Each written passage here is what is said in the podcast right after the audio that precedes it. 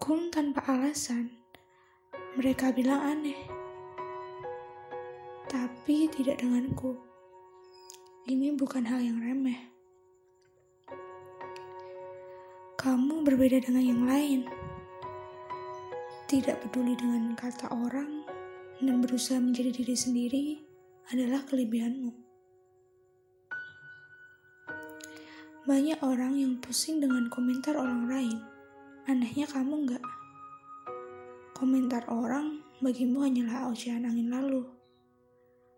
Awalnya aku mengira itu omong kosongmu saja. Namun setelah kamu mengalaminya, aku menyesal pernah meragukan perkataanmu itu.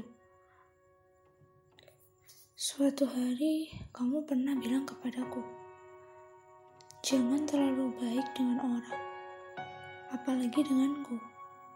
Aku takut aku akan memanfaatmu." Setelah kata itu, kamu hilang dan jauh. Ya, memang seharusnya dari awal aku tahu diri. Dan bodohnya aku sudah terlalu dalam mencari tahu tentangmu. Seminggu berlalu, kamu kembali datang. Ih, sial. Aku jadi semakin bimbang. Kenapa kamu datang lagi? Kamu kembali mengatakan Jangan terlalu baik. Aku bukan orang baik yang kamu kira. Tanpa berpikir, aku menjawab, "Aku tidak pernah mengiramu baik." Ya, sesuai perkiraanku, kamu akan hilang dan jauh setelah mengatakan itu. Sama-sama jadi orang asing sekarang.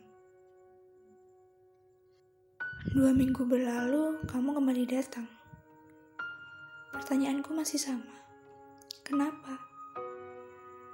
Aku sudah tahu kamu ingin cerita tentangnya kan? Sepertinya kamu begitu senang.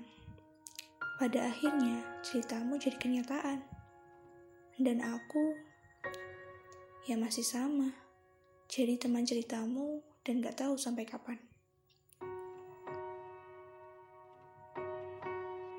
Masih mau cerita ya? Cerita apa? Tentang dia lagi?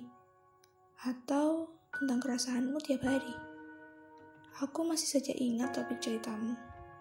Apa nggak bisa cari topik lain? Oke, oke, oke. Aku sudah mulai sadar. Ternyata kebanyakan mimpi nggak baik juga. Harus sering sadar aja sama diri sendiri.